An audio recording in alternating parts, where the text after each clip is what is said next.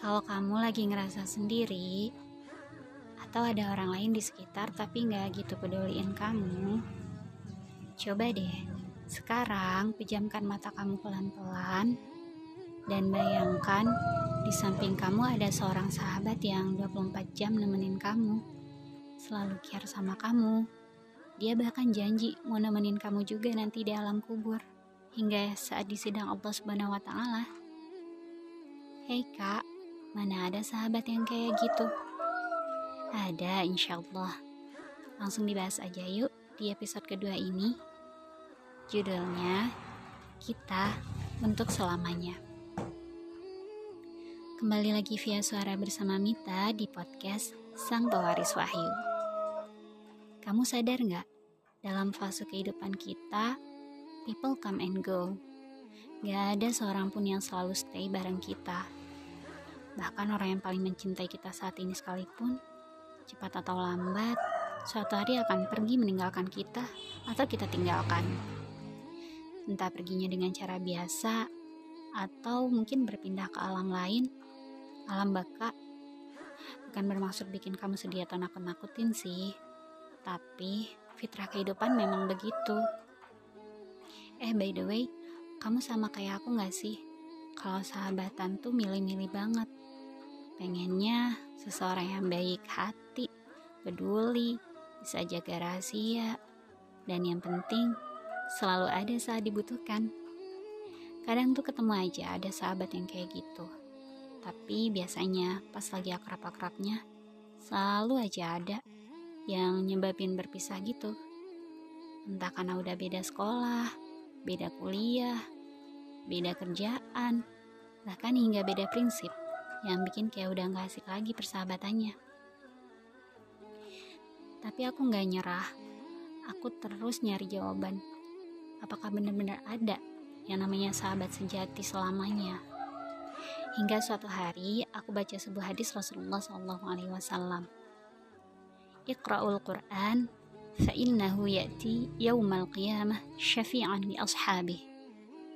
Bacalah Al-Quran karena sesungguhnya ia akan datang pada hari kiamat sebagai syafaat bagi orang yang menjadi sahabatnya.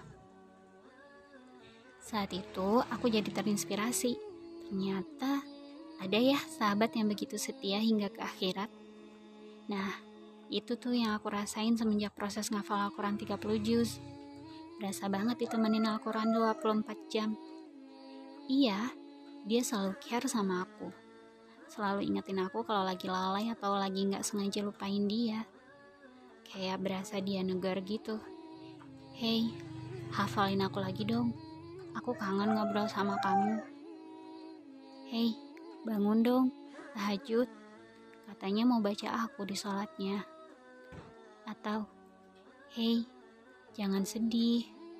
Terus ayat penghiburnya langsung bunyi gitu di kepala. Jadi karena aku pengen punya sahabat sejati yang setia sampai akhirat, aku terus berusaha sahabatan sama Al-Quran. Gimana cara, terus aku latih dan pelajarin cara bacanya yang sempurna. Aku juga terus menghafalkannya, berusaha memahami isinya terus, hingga menikmati penyataan jiwa aku sama dia. Dengan ngikutin kepribadian dan karakter dia.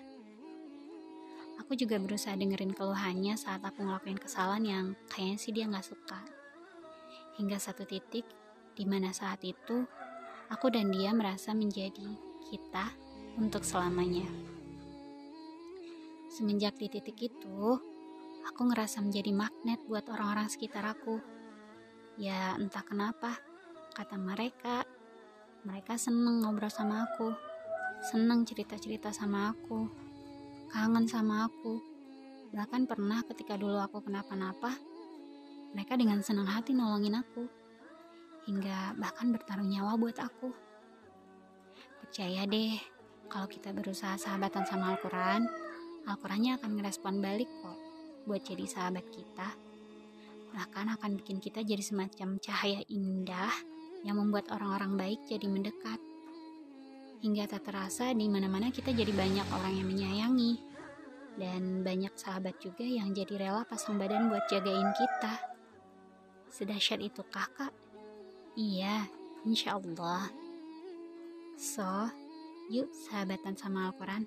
Kita hafalin Al-Quran 30 juznya bareng-bareng ya. Supaya kita punya sahabat sejati di dunia dan akhirat.